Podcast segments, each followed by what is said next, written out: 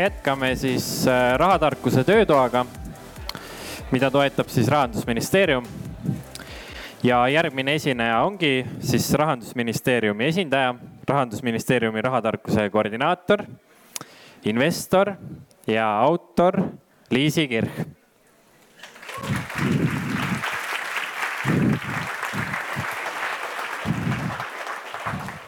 me oleme valinud hästi hea ilma, et rääkida rahaasjadest, sest et mitte kellelgi ei olegi mitte midagi muud paremat tänase ilmaga teha minu nimi on Liisi, ma olen rahatarkuse koordinaator Rahandusministeeriumis viimased poolteist aastat. investeerimise ja isiklike rahaasjadega tegelenud üle kümne aasta, meelitanud kaasa oma abikaasa, kellega koos me seda kõike teeme.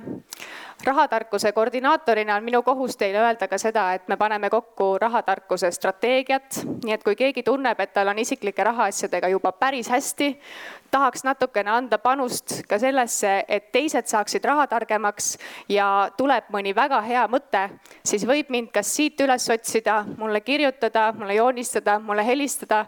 kui te guugeldate mu kontakti, siis te leiate kõik ülesse, võib vabalt kasutada sotsiaalmeediat või töömeili või isiklikku meili, vahet ei ole aga tänase töötoa teema on siis personaalsed rahaasjad ja need tööriistad, millega ma saan siis neid personaalseid rahaasju juhtida. kui Tõnis enne rääkis meile, kuidas unistada ja paika panna eesmärke, siis me jätkame sellesama teemaga ja hakkame rääkima finantseesmärgist ma palungi, et te võtate lahti oma vihikud või telefonid või kuhu iganes te oma märkmeid teete, sest et äh, kui te nüüd olete läbi tunnetanud selle miks'i ja mõelnud ka ühele finantsilisele unistusele, näiteks nagu finantsvabadus, siis nüüd on aeg kirja panna mõned numbrid. mul on teile spikker siin ees ka, ma loodan, et te näete.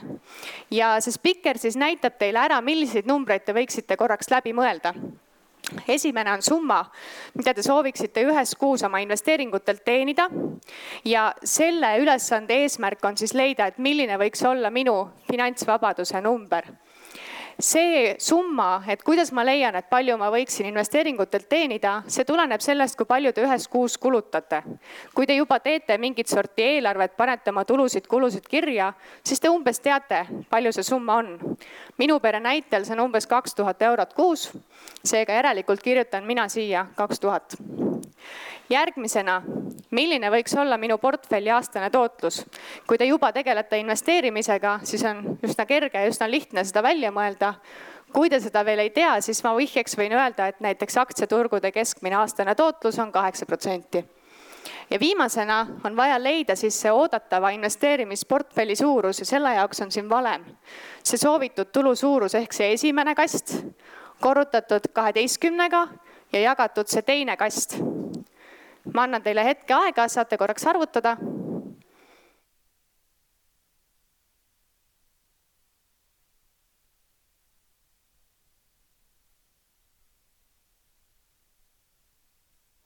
nüüd, miks see number on oluline? see on tegelikult see arv, see summa, mille te peate kokku ajama selle jaoks et saada siis endale finantsvabadus ja võimaldada seda, et ei pea tööl käima või saate tegeleda nende asjadega nendel hetkedel koos nende inimestega, nagu teie ise tahate. kes oli eile siin, siis meil oli terve paneel selle kohta, et mida see finantsvabadus tähendab ja, ja kuidas see välja võiks näha. kes ei jõudnud seda siin praegu teha, siis need slaidid saadetakse teile hiljem ka meili peale ja seal on spikker juures nagu praegu peidetud slaidina, et kuidas siis seda arvutada võiks. ja kuidas ma nüüd hakkan siis sellel teekonnal edasi minema, et selle töötoa eesmärk on olla selline praktiline ja andagi teile äh, tööriistade kaupa siis need abimehed, mis teid aitavad.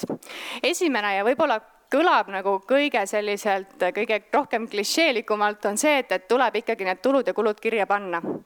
see on selline tõde, mille kohta inimesed ütlevad, et noh, sa ei räägi mitte midagi uut. anna andeks, Liisi, ma tean seda. ja kui ma küsin, et aga kui paljud teevad, siis ma saan sellise vastuse, et mm, sihuke kahtlane.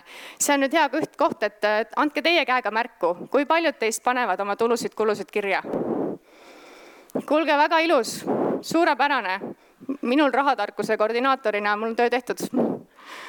aga tegelikult ma räägin ikkagi ära, et, et see on oluline ja see on oluline peegeldada ka oma tuttavatele ja lähedastele, sest et ka nende jaoks äh, saab see olla väga hea tööriist.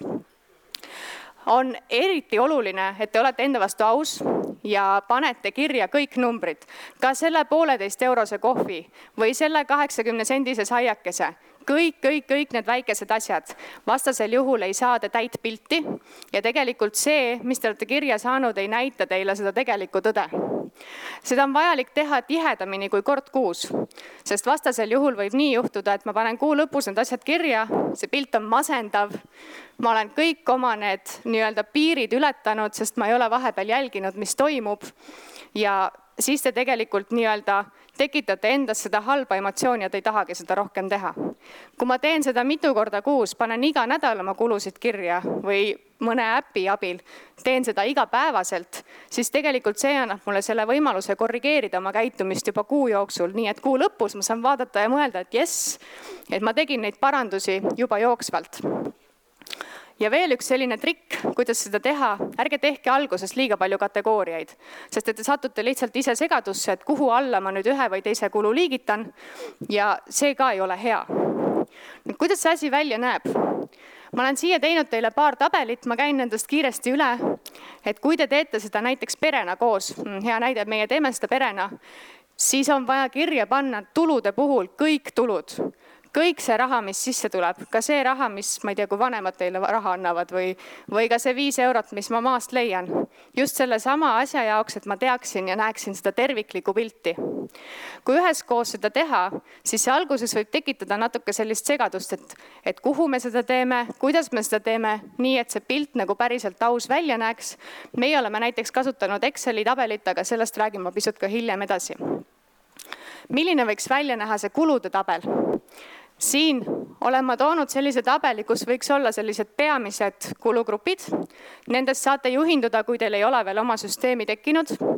Ning äh, siin see loogika on siis selline, et kokku reale arvutab kõik need üksikud summad, mis on äh, siin kõrval. investeerimisklubi lehel on olemas ka tööriistade all selline tabel nagu eelarvestaja. selle saate kahe euro eest endale alla laadida ja on teil kohe selline suurepärane tööriist olemas. nüüd, kui te teete seda ühe kuu, siis mis te arvate, mis juhtub? Te saate ühe kuu pildi, mis võib-olla on täpne, kui te teete seda esimest korda, siis võib-olla nii täpne ei ole. Ja tegelikult olenevalt kuust, et kui tegemist on äh, näiteks juunikuuga, kui on jaanipäev ja kooli lõpetamised, siis tundub, et jõle palju raha läheb kõikidele teistele. või kui te teete detsembrikuus, samamoodi kingituste rida on nagu täiesti lõhki. Aga kui ma võtan sinna kõrvale näiteks äh, nüüd selle aasta aprilli, kui oli koroona, kui me ei saanud mitte keegi käia kinos ega spordisaalis ega teatris, siis tegelikult see pilt on nagu hoopis teine. nii et üks kuu ei anna sulle nagu päris pilti, et milline see minu kulutamise muster on.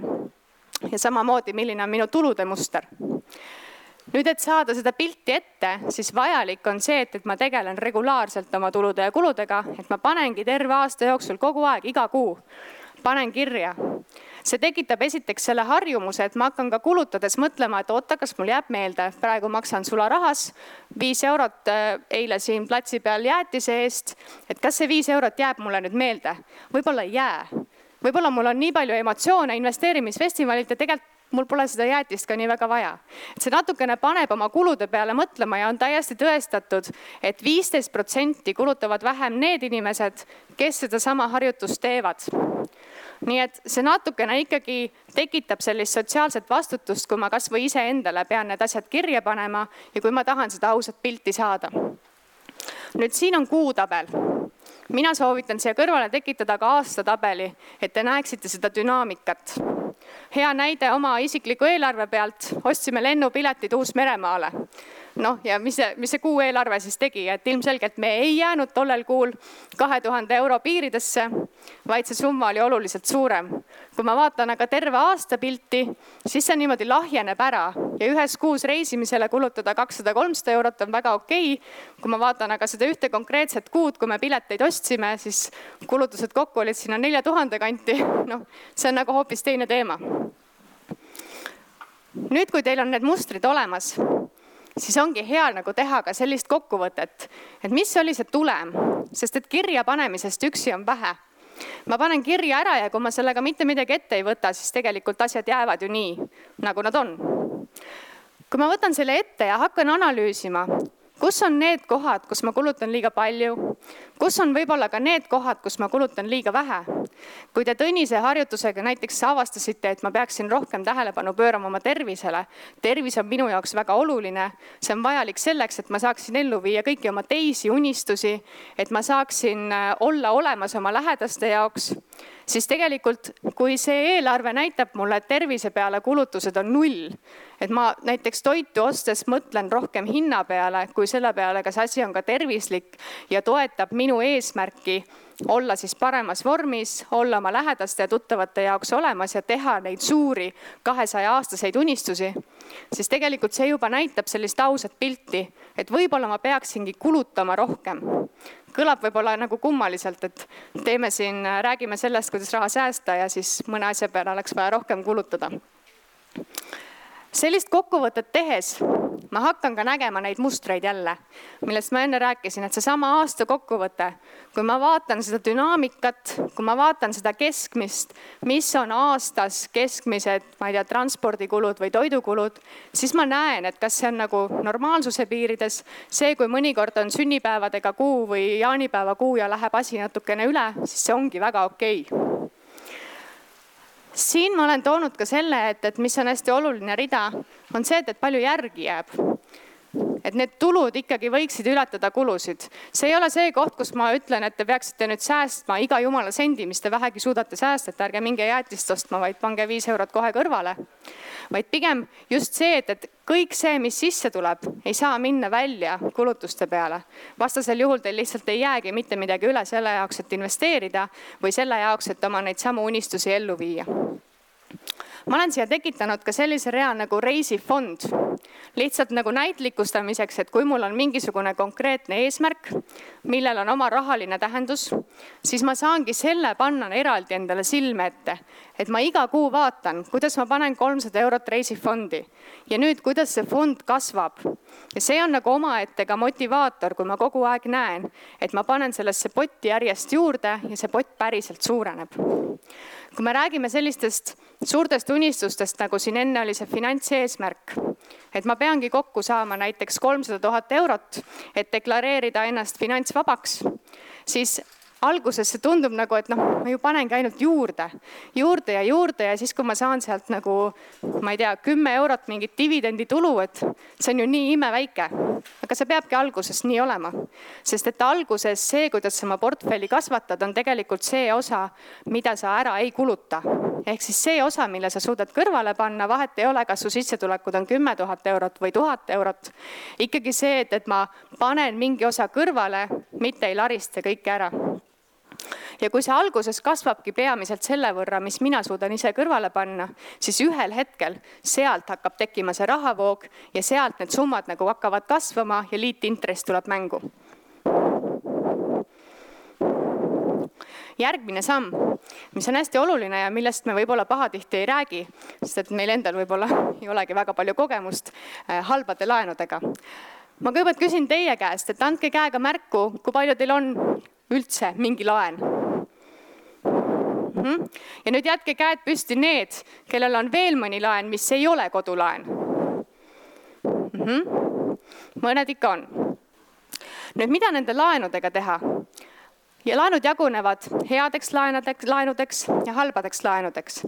hea laen on vajalik selle jaoks, et ma saaksin teha mõne suurema investeeringu, mille jaoks mul praegu võib-olla vahendeid ei ole, näiteks nagu oma koduost. kui ma seda sammu ei teeks, et eestlased teatavasti, me oleme väga tugevalt selle hinnangu küüsis, et võlg on võõra oma ja see tuleb ka rahatarkuse uuringutest välja siis äh, kui ma ei tee seda sammu, siis tegelikult äh, mida ma siis teen, ma leian alternatiivi ehk et ma hakkan üürima kodu, ma hakkan maksma kellelegi teisele iga kuu sedasama summat, mida ma võiksin maksta pangale ja ühel hetkel oleks see kinnisvara ikkagi minu oma.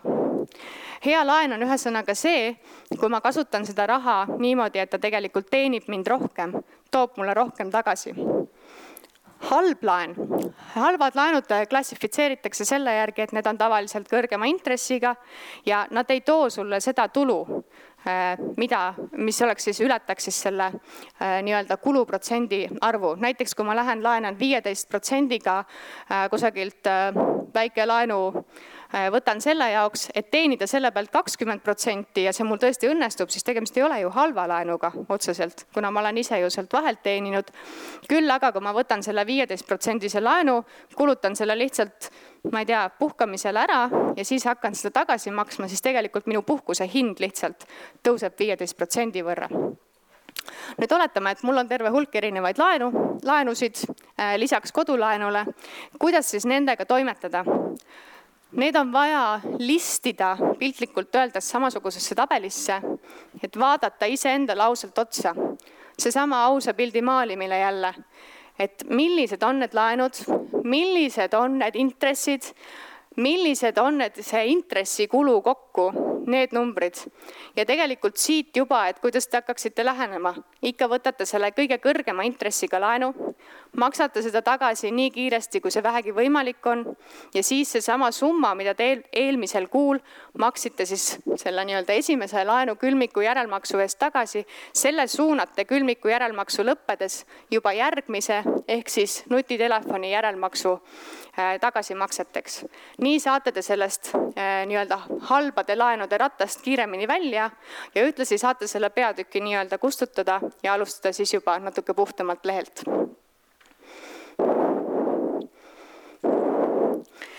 ja nüüd ikkagi see kuidas.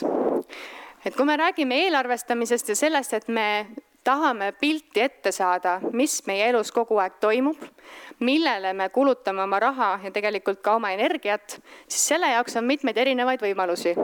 esimene, kõige lihtsam, paber ja pliiats.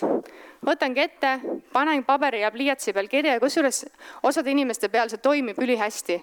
Nad ütlevad, et kui ma panen kirja arvutisse, siis see on justkui nagu kuidagi nagu teistmoodi, aga kui mul on kogu aeg paber, pliiats, märkmik on olemas kaasas minuga ja ma panen selle kirja, siis selline füüsiline läbikirjutamine, see tekitab rohkem tunnet, et ma pean sellega tegelema. lisaks paberile ja pliiatsile on järgmine võimalus vana hea Excel. seda võib ise üles ehitada, võib kasutada investeerimisklubi eh, eelarvestajat või siis otsida, mul on oma kodulehel ka üks versioon olemas ja veel on minuraha.ee, mis on Finantsinspektsiooni tarbijaveeb, seal on samamoodi üks versioon järgmisena äpid, kui teil on näiteks noori sugulasi, keda te tahate suunata, et nad hakkaksid ka oma kulusid ja tulusid jälgima, siis äpp on suurepärane võimalus. Enda pealt näide, mul on kolmeteistaastane õde ja kui ta nägi, et ma üks suvi testisin ühte äppi oh,, mis teed? Kuule, see on nii lahe, noh, näita mulle, oh, sul on mingi graafik siin. et nad ise tegelikult tundub noh, et, et kuna see on nagu telefonis, nutitelefonis, siis see ja see on äpp, siis see on juba sellepärast põnev. äppe on erinevaid. Äh, siin on näiteks toodud Moneylover, äh, Spendi ja Monify mis on ühed sellised enim levinumad, aga kindlasti on neid teisigi veel ja neid soovitusi, kui te natukene guugeldate, leiate ka viimane versioon, mida ma soovitan, on eestlaste loodud rakendus My Financial, mis lisaks sellele, et ta jälgib teie kulusid ja tulusid, te saate väga lihtsalt sinna oma panga väljavõtted alla laadida, näitab ta ka seda, kuidas su netoväärtus kasvab või kahaneb. Mis on nagu lisandväärtus ja mis tegelikult äh, paneb sind ennast rohkem jälgima seda asja nagu sellise pikema trendina ja sa ei võta seda ainult, et ma nüüd ühe kuu jälgin ja siis vaatan, mis saab järgmine samm on meelerahufond. ehk et kui me siit läheme, esimene oli see, et ma panen paika oma finantseesmärgi, teine, ma panen kirja oma kulud ja tulud, kolmas, ma vabanen nendest halbadest laenudest, kui mul on mõni, siis neljas samm, meelerahufondi loomine. kui palju teil on meelerahufond hm?? hästi meelerahufondi otstarve on ikkagi see, et tagada mulle turvaline ja kindel seljatagune, meelerahu, et ma ei pea muretsema, et, et mis saab siis, kui sügisel koroonakriisiga seoses ma kaotan töö või mu palka vähendatakse või kui mu kaasa kaotab töö või palka, tema palka vähendatakse. samamoodi saan ma kasutada seda fondi siis, kui midagi läheb ootamatult katki, sest et tavaliselt teie auto ei ütle teile, et järgmine kuu ja siis pane oma rahakott valmis miks see meelerahufond on nii oluline enne, kui te hakkate investeerima? minu meelest märtsikuu andis hea võimaluse need asjad natuke nagu perspektiivi panna. kui ma märtsis olin suutnud kõrvale panna, ütleme tuhat eurot ja selle kõik ära investeerida näiteks veebruari lõpus ja nüüd jõudis kätte märtsikuu, aktsiaturud tegid niimoodi ja siis läks mul külmkapp katki mis tegelikult juhtub, on see, et ma olen sunnitud minema ja võtma selle raha välja kõva miinusega. Ja mis tunde jätab see investeerimisest, see on ohtlik, see on keeruline, see võtab, viib mult ainult raha välja, ma ei tegele sellega rohkem tegelikult lähenesin ise valest otsast, kõigepealt oleks pidanud olema see meelerahufond, mis ei pea lihtsalt tiksuma eh, pangakontol, mis ei pea olema nii-öelda sukase ääres, te võite sellega panna tähtajalisele hoiusele ja teenida noh, kaks protsenti või, või mis see on seal selline kõige äh, kõrgem intressimäär Inbanki puhul. ja kui mul see oleks olnud tehtud, siis mul ei oleks olnud mingit vajadust minna näppima seda tuhandet eurot, mille ma olin paigutanud näiteks aktsiaturgudele nii et see tegelikult annab mulle ka selle kindlustunde, et ma ei pea oma investeeringute kallale minema ja ma saan järgida sedasama asja, millest siin on terve nädalavahetus räägitud. investeerimine on pikaajaline tegevus, ikkagi see pikk horisont ja see, et ma mõtlen pikemalt ette, mitte et ma panen selle raha korraks sinna äh, mõnesse väärtpaberisse ja kui mul ülehomme vaja läheb, siis võtan ruttu välja hästi oluline on hoida meelerahufond pikemas perspektiivis täidetuna, nii et kui ongi ootamatu olukord, ma kaotan raha äh, või kaotan oma töökoha ja mul on vaja seda fondi kasutada, siis järgmine kuu ma kõigepealt tegelen sellega, et see fond uuesti täis saada, et ka järgmine ootamatu olukord mind maha ei niidaks. ja alles siis tegelen sellega, et oma portfelli jälle edasi kasvatada. kuidas meelerahufondi luua? see on jälle see tööriistakoht meelerahufond võiks olla kolm kuni kuus kuud äh, teie kulutusi. see tähendab siis seda, et, et kui te juba esimese slaidi puhul, finantseesmärgi puhul mõtlesite, et mis võiks olla see igakuine passiivne rahavoog ehk need igakuised kulud, siis selle numbri korrutate kolme kuni kuuega. mida suurem see meelerahufond on, seda kindlam on teie seljatagune. samas ei ole mõtet ka nii, et, et ma nüüd kogun nui neljaks äh, seda meelerahufondi kuue kuu jagu täis ja alles siis hakkan neid samme investeerimismaailmas tegema, et, et ühel hetkel, kui mul on kolme kuu varu olemas, siis ma võin hakata juba vaikselt meelerahufondi suurendama, aga juba ka investeerimisega tegelema. pigem natuke rohkem kui natuke vähem, see on jälle seotud sellega, et, et ma tahan, et mu seljatagune oleks kindel. ning äh, nüüd kuude arv, kuidas ma selle summa kokku saan, mille ma olen juba välja mõelnud on see, et, et ma liidangi äh, või tähendab, leian selle summa ehk siis need minu kuised kulud korrutatud näiteks kolmega ja jagan sellega, mis on minu igakuine äh, säästuvõimekus. selle ma saan kätte jälle sellest samast tulude-kulude tabelist, kui ma olen endale ausalt kirja pannud, mis on need minu kuised kulud, mis on minu kuised tulud, siis ma näen ju ära, kui palju ma olen võimeline säästma et seda säästu suurendada, siis aitab see analüüsi tegemine ja see, et, et ma näengi ära, et, et nendest ebavajalikest kohtadest tõmban pisut kokku. igakuist äh, säästu annab suurendada ka sellega, kui ma hakkan tegelema sissetulekute suurendamisega. nüüd äh, teile küsimus, kui paljud teist on lisaks sellisele tavalisele palgatööle ja investeerimisele leidnud veel võimalusi, kuidas oma sissetulekuid kasvatada hm?? Väga hästi. Need, kes sellega veel tegelenud ei ole, nendele ma toon siin välja viis erinevat võimalust, kuidas ma saaksin seda igakuist säästumäära, seda raha, mis ma kasutan oma portfelli ülesehitamiseks ja enne seda meelerahufondi äh, siis püsti saamiseks, et kuidas seda siis teha. esimene on see, et, et õpi juurde uusi oskusi ehk et äh, siin äh, juba esimesel päeval Madis Toomsalu ütles, et need tugevused, tegelege oma tugevustega tegelege ka oma nõrkustega ainult kuni sinnamaani, et need oleksid keskpärased ja see tegelikult hõlmab ka neid uusi oskusi.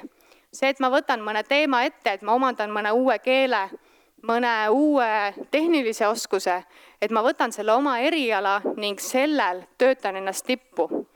käin ja harin ennast, käin koolitustel, loen raamatuid, õpin juurde nendelt, kes on targemad ja tugevamad ja minu valdkonnas juba edu saavutanud rahatarkuse koordinaatorina mul on terve suur hulk partnereid, kelle käest ma saan õppida ja kes on juba aastaid teinud sama asja, mida mina tahan nüüd teha. järgmine on tööampsud. Nende tööampsudega mulle hästi meeldib see ütlemine, et, et kui sul on tõesti selline lisatöö, mis sul nagu tohutult silma särama paneb, kas on selleks äh, käsitöö või tõlkimine või, või noh, ma ei kujuta ette, teiste inimeste aitamine, koolitamine, siis see tegelikult tähendab seda, et sul ei ole seda esmaspäeva probleemi enam. sa ei mõtle kunagi, et pagan, nädalavahetus saab läbi, puhkus saab läbi, ma pean jälle tööle minema vastupidi, see tegelikult, see lisatöö võibki nagu kasvada selliseks äh, hobiks ja, ja ühtlasi ka sinu järgmiseks äh, tööotsaks. Tööampsud võimaldavad ka seda, et, et kui mul on näiteks lühiajaliselt, ma tohutult tahan hakata investeerimisega tegelema, aga näe, nüüd Liisi tuli ja ütles, et kõigepealt on meelerahufondi vaja, et ma võtangi selle lisatöö näiteks suveks ma teen seda lisatööd paar kuud, ma saan selle nagu üsna lihtsalt kõrvale jätta, kui mul teda enam vaja ei ole, kui mul näiteks meelerahufond saab täis. ja siis ma otsustan, et, et nüüd on see aeg, et ma rohkem ei tee neid lisaampse, vaid ma tegelen näiteks enda arendamise ja õppimisega ning ma suudan nüüd juba oma igakuisest tavalisest sissetulekust mingi osa kõrvale panna ja sellest hakata oma portfelli kasvatama. kolmas võimalus, müü maha kogu see kraam, mis su kodus on ebavajalik siinjuures ma ei pea silmas neid äh, vanu beebiriideid, mida mitte keegi ei taha, aga pigem äh, kui sa hakkad juba seda inventuuri tegema, siis mööbel, elektroonika, sellised suuremad ja ebavajalikud asjad, mida tegelikult üsna, üsnagi kõikides kodudes leidub. ma loodan, et minu kodus enam mitte, aga, aga ma tegelikult tean, et ka seal on neid asju. Eh, selle ebavajaliku mahamüümisega sa tegelikult vabastad mitte ainult selle raha, mis on nende asjade all kinni, vaid sa vabastad ka oma kodu ja seda ruumi, eh, milles sa siis elad. Ja see on hästi tugevalt seotud minu teise lemmikteemaga, milleks on minimalism ehk et elamine nende asjadega, mida sa päriselt kasutad, mida sul tegelikult ka vaja läheb. mida minimalism annab, ma ei, ei saa siin rääkida väga pikalt sellest on tegelikult rohkem ruumi, rohkem aega, rohkem energiat ja seeläbi ka rohkem raha, sest et see õpetab sind läbi kaaluma kõiki neid otsuseid, mida sa kulutamise puhul teed ja tegelikult sa veedad ka vähem aega, ma ei tea, poes ringi käies, asju endale valides ja, ja nende eest ka hiljem hoolitsedes, kas või sellesama koristamise arvelt. Ning viimane, tegelikult me jõuame ringiga tagasi ikka nende rahaasjadeni, et see, et ma vaatangi üle, mitte ainult ühe korra, ma vaatangi üle, kas ma ei tea, poolaastas korra või vähemalt aastas korra, vaatan üle, et, et mida see kulude ja tulude tabel teeb. kas sinna on vahepeal tekkinud midagi, mis mulle alguses tundus, et see on ülioluline, aga nüüd ma näen, et tegelikult see ikkagi ei ole seda. et see ülevaatus ja see võib-olla ka nende unistuste ja eesmärkide puhul, et äh, millest Tõnis enne rääkis, kui ma mõtlen läbi, mis on need tähtsamad sihid ja need, need äh, unistused ja eesmärgid, mille poole ma püüdlen ning nendest lähtuvalt ma tegelikult pean korrigeerima ka aeg-ajalt neid samu rahaasju. kuidas ma majandan, mille peale ma kulutan ja mis on mulle tähtis. ja nüüd teile ülesanne pange kirja kolm kuni viis tegevust hästi konkreetselt, mida saan mina teha täna, et ma saaksin oma sissetulekuid suurendada. see võib olla midagi hästi lihtsat, midagi sellist, äh, mida te juba teete, aga see võiks olla ka midagi sellist uut, midagi, mis laseb nagu mõtte lendu.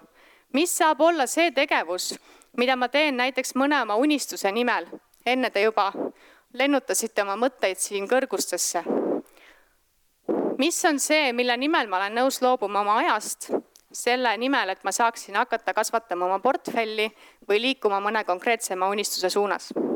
ma annan teile kolm minutit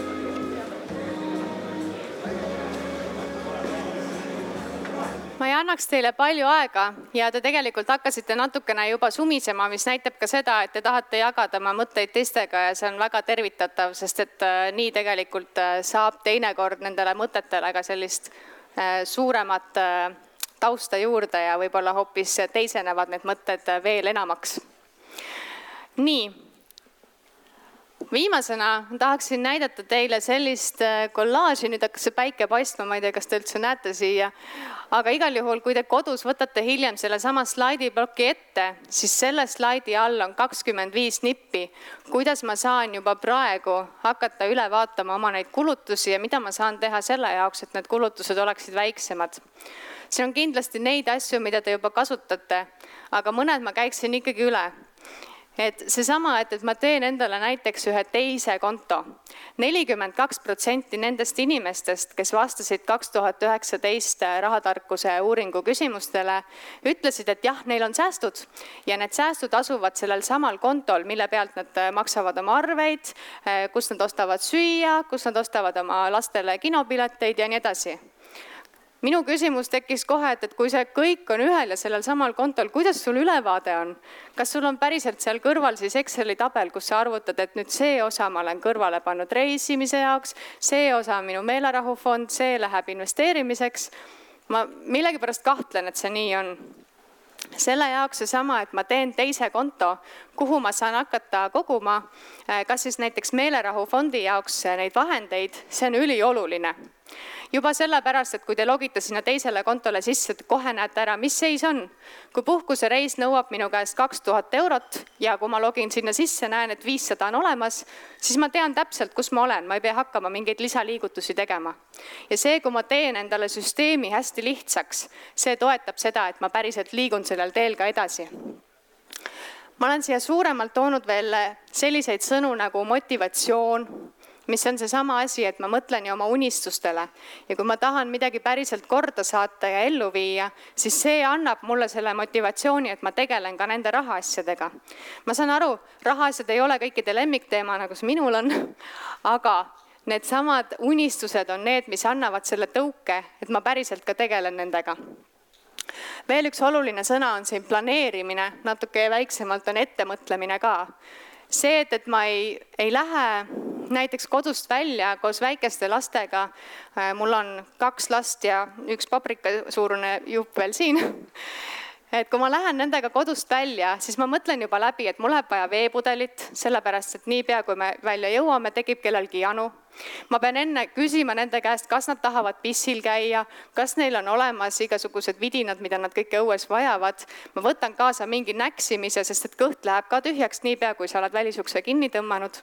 nii et noh, see on nagu see näide, kuidas planeerimine päästab selle, et ma ei pea iga kord, kui me välja läheme, ma ei pea jooksma kohe poe suunas, et nende jaoks siis juba osta seda vett ja mingeid väikseid snäkke planeerimine on ka selles mõttes oluline, et ma iseenda pealt tean, mis hetkel ma tahan, ma ei tea, lisatassi kohvi või, või millal mina ise vajan vett.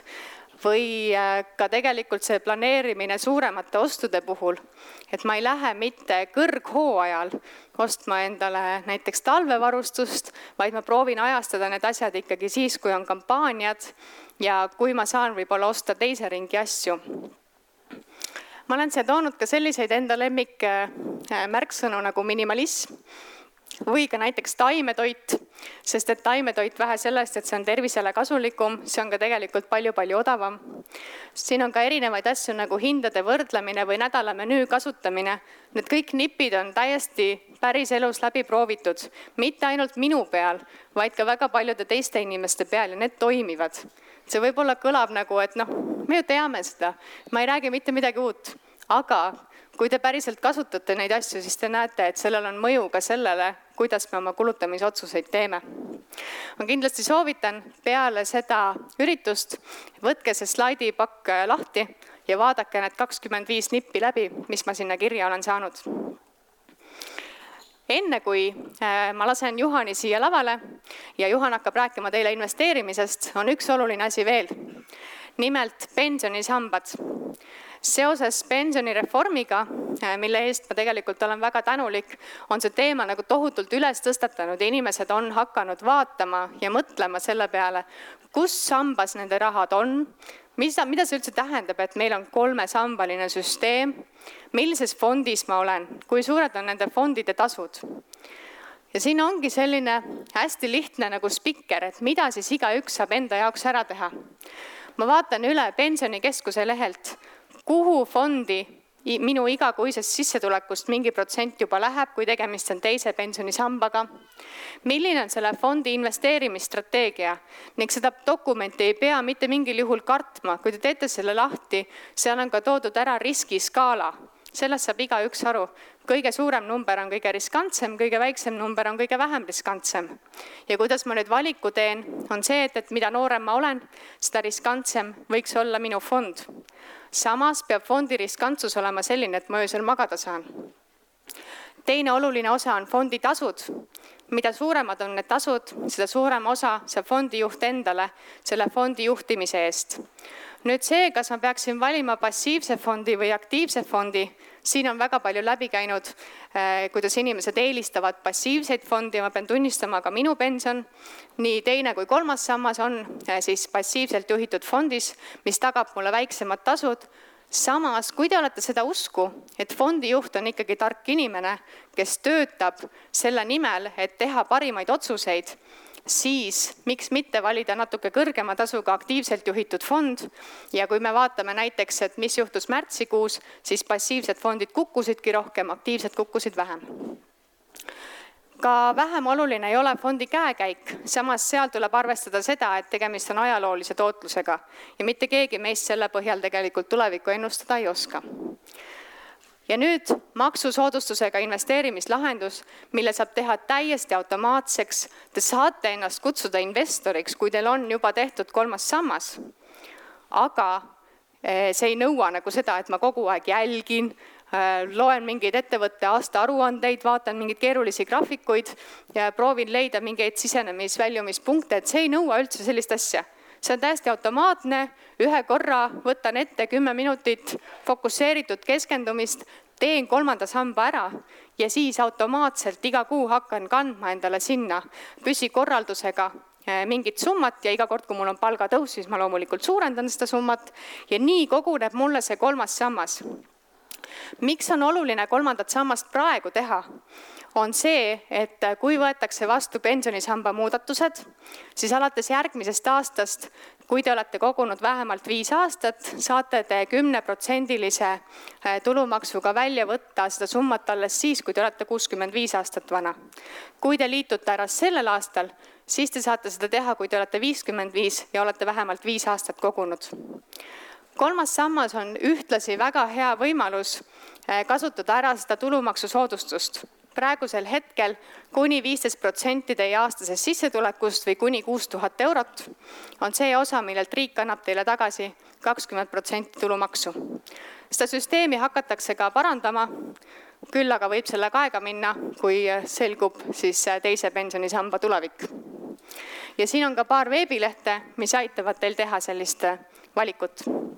kõige viimasena ma näitan teile lisamaterjali, siin on paar veebilehte, esimene neist loomulikult investeerimisklubi oma, mis annab teile need tööriistad ja seal on ka olemas podcast'id, blogid, raamatusoovitused, et väga palju materjali. minuraha.ee, Finantsinspektsiooni poolt hallatav tarbijaveeb, kogu abc on seal kirjas ja võib-olla siin investeerimisfestivalil on pisut juba haritum kuulaja, siis jagage neid samu veebilehti ka nendega, oma noh, sugulaste ja tuttavatega, kes veel ei tegele selle teemaga nii aktiivselt. kogumispäeviku grupp, interaktiivne, väga palju nippe ja trikke, kuidas kokku hoida, kuidas investeerida ja siin ma olen toonud ka kogumispäeviku podcasti, mis ka täiesti neid samu teemasid käsitlevad. viimasena minu enda välja antud raamat Minu finantsplaneerija, mis annab need sellised esmased mõtted, hästi konkreetne, ei ole mingit liigset vahtu, loen ja kohe tegutsen. nii ja nüüd, kuna teil on ka selline mestimispaus veel enne, kui Juhan tuleb investeerimisest rääkima, siis on teil hea võimalus jagada neid mõtteid, mis te saite siit kaasa ja arutada omavahel erinevates seltskondades, et mis on need asjad, mis ma kohe ära teen. kui ma nii annan lubaduse kasvõi täitsa võõrale inimesele, siis tegelikult kohustan ma ennast pisut rohkem selle asjaga tegelema. nii, aitäh, aitäh Liisile. Äh, meil on küsimusteks viis minutit, ma kohe kasutan ise võimalust küsimuseks, et äh, mul selline terav küsimus, ma loodan, et sa ei pahanda. et Raivo Hein kunagi rääkis äh, ühel esitlusel, et tema luges äh, kooliõpikut, mis siis keskkoolis kasutatakse, on majanduse abc. ja tema luges sealt, ütles, et ta nägi seal ühte lauset, et, et kui, kui sul siis raha puudu on, näiteks mingi tarbeeseme ostmiseks, et siis tasub tarb, tarbimislaenu võtta. et, et see tundub nagu selline rahaliselt väga kehv otsus.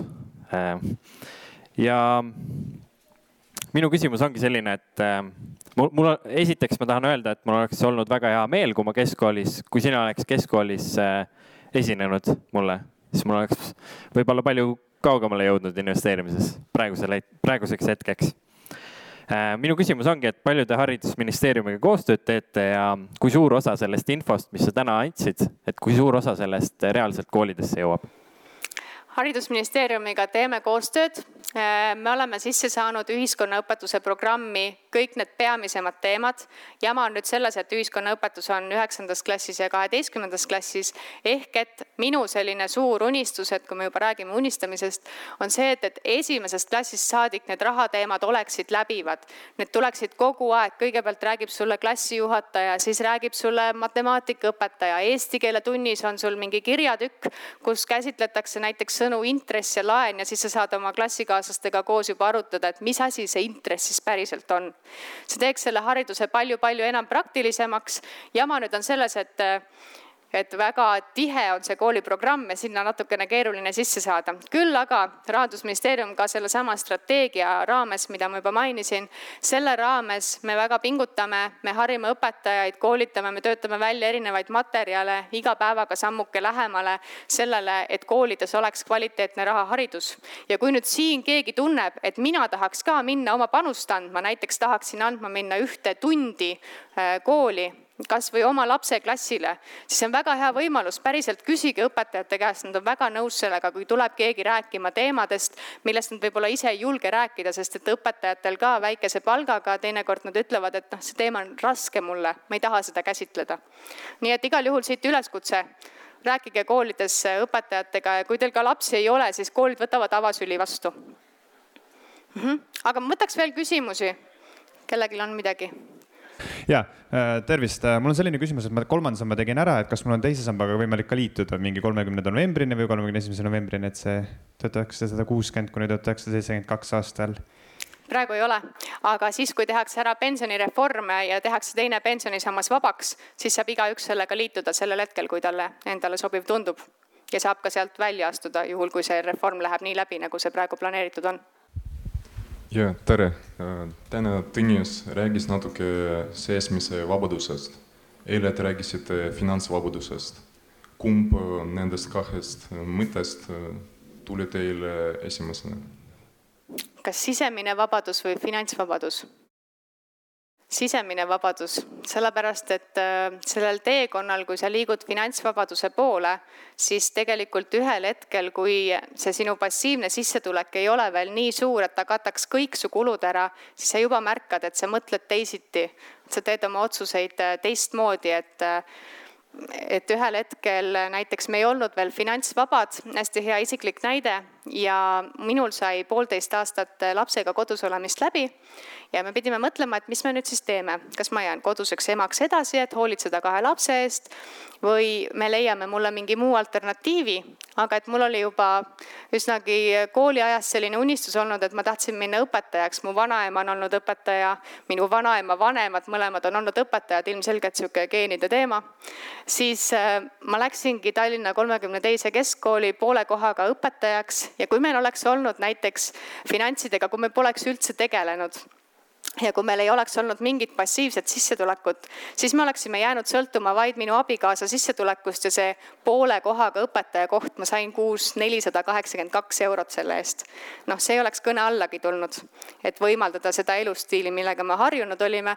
küll aga, kuna meil oli juba siis see passiivne sissetulek piisavalt kõrge, siis oli nagu väga lihtne teha see otsus vastavalt sellele, mida mina tundsin, et mul on oluline, jah, ma tahan proovida, ma tahan minna sinna kooli, ma tahan ennast proovile panda, kusjuures kusjuures minu ametiks oli ettevõtlikkusõpetaja, nii et tegelikult ka seesama aasta koolis õpetas väga palju, et kuidas rääkida teise klassi lastele rahast, neljandate klasside lastele, mida rääkida seitsmendikele ja nüüd, kui erinevad need asjad on.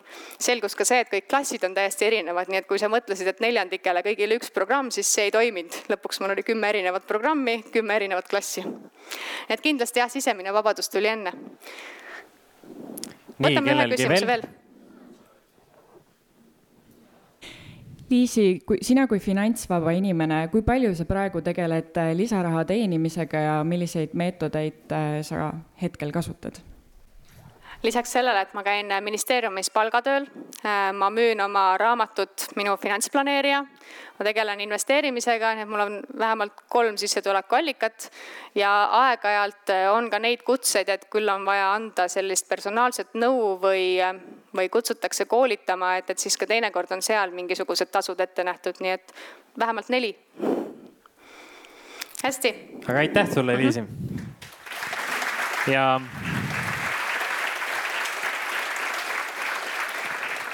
siin on äh, siis Liisi raamat Minu finantsplaneerija ja millisele küsijale? ma annaks siia, see oli hästi hea küsimus. sul on olemas juba, selge, siis ma annaks siia. Nii, aga aitäh. aitäh sulle mm. -hmm. nii mm. -hmm. aitäh